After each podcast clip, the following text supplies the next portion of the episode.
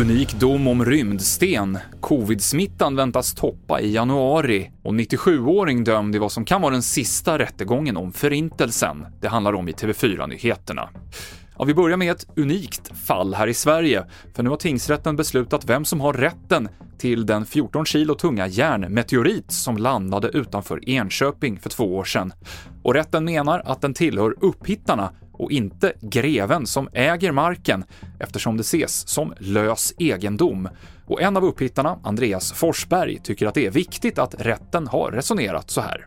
Det är väldigt viktigt att eh, det kommer att kunna fortsätta att letas efter meteoriter, eh, att alla ska kunna vara med och leta efter meteoriter och att man kan lämna in dem på ett museum och, och få en hit, hittelön för dem också. För om, om om det skulle vara så att det är markägaren som äger meteoriterna så kommer ju incitamentet att ge sig ut och leta eh, för väldigt många försvinna. Smittspridningen av covid-19 ökar i Sverige och i januari kan antalet smittade nå samma nivåer som när omikronvarianten nådde sin topp för ett år sedan enligt Folkhälsomyndigheten.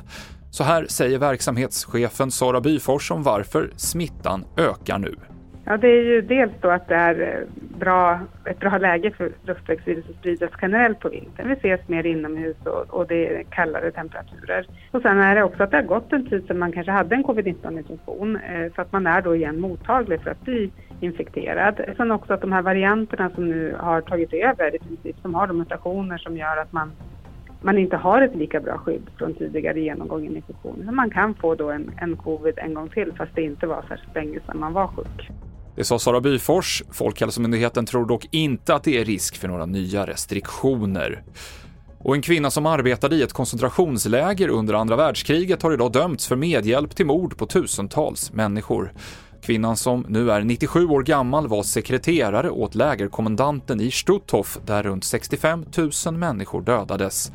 Enligt åklagarna så kan det här vara en av de sista rättegångarna om Förintelsen eftersom majoriteten av de skyldiga antingen är döda eller bedöms vara för gamla för att klara av en rättegång.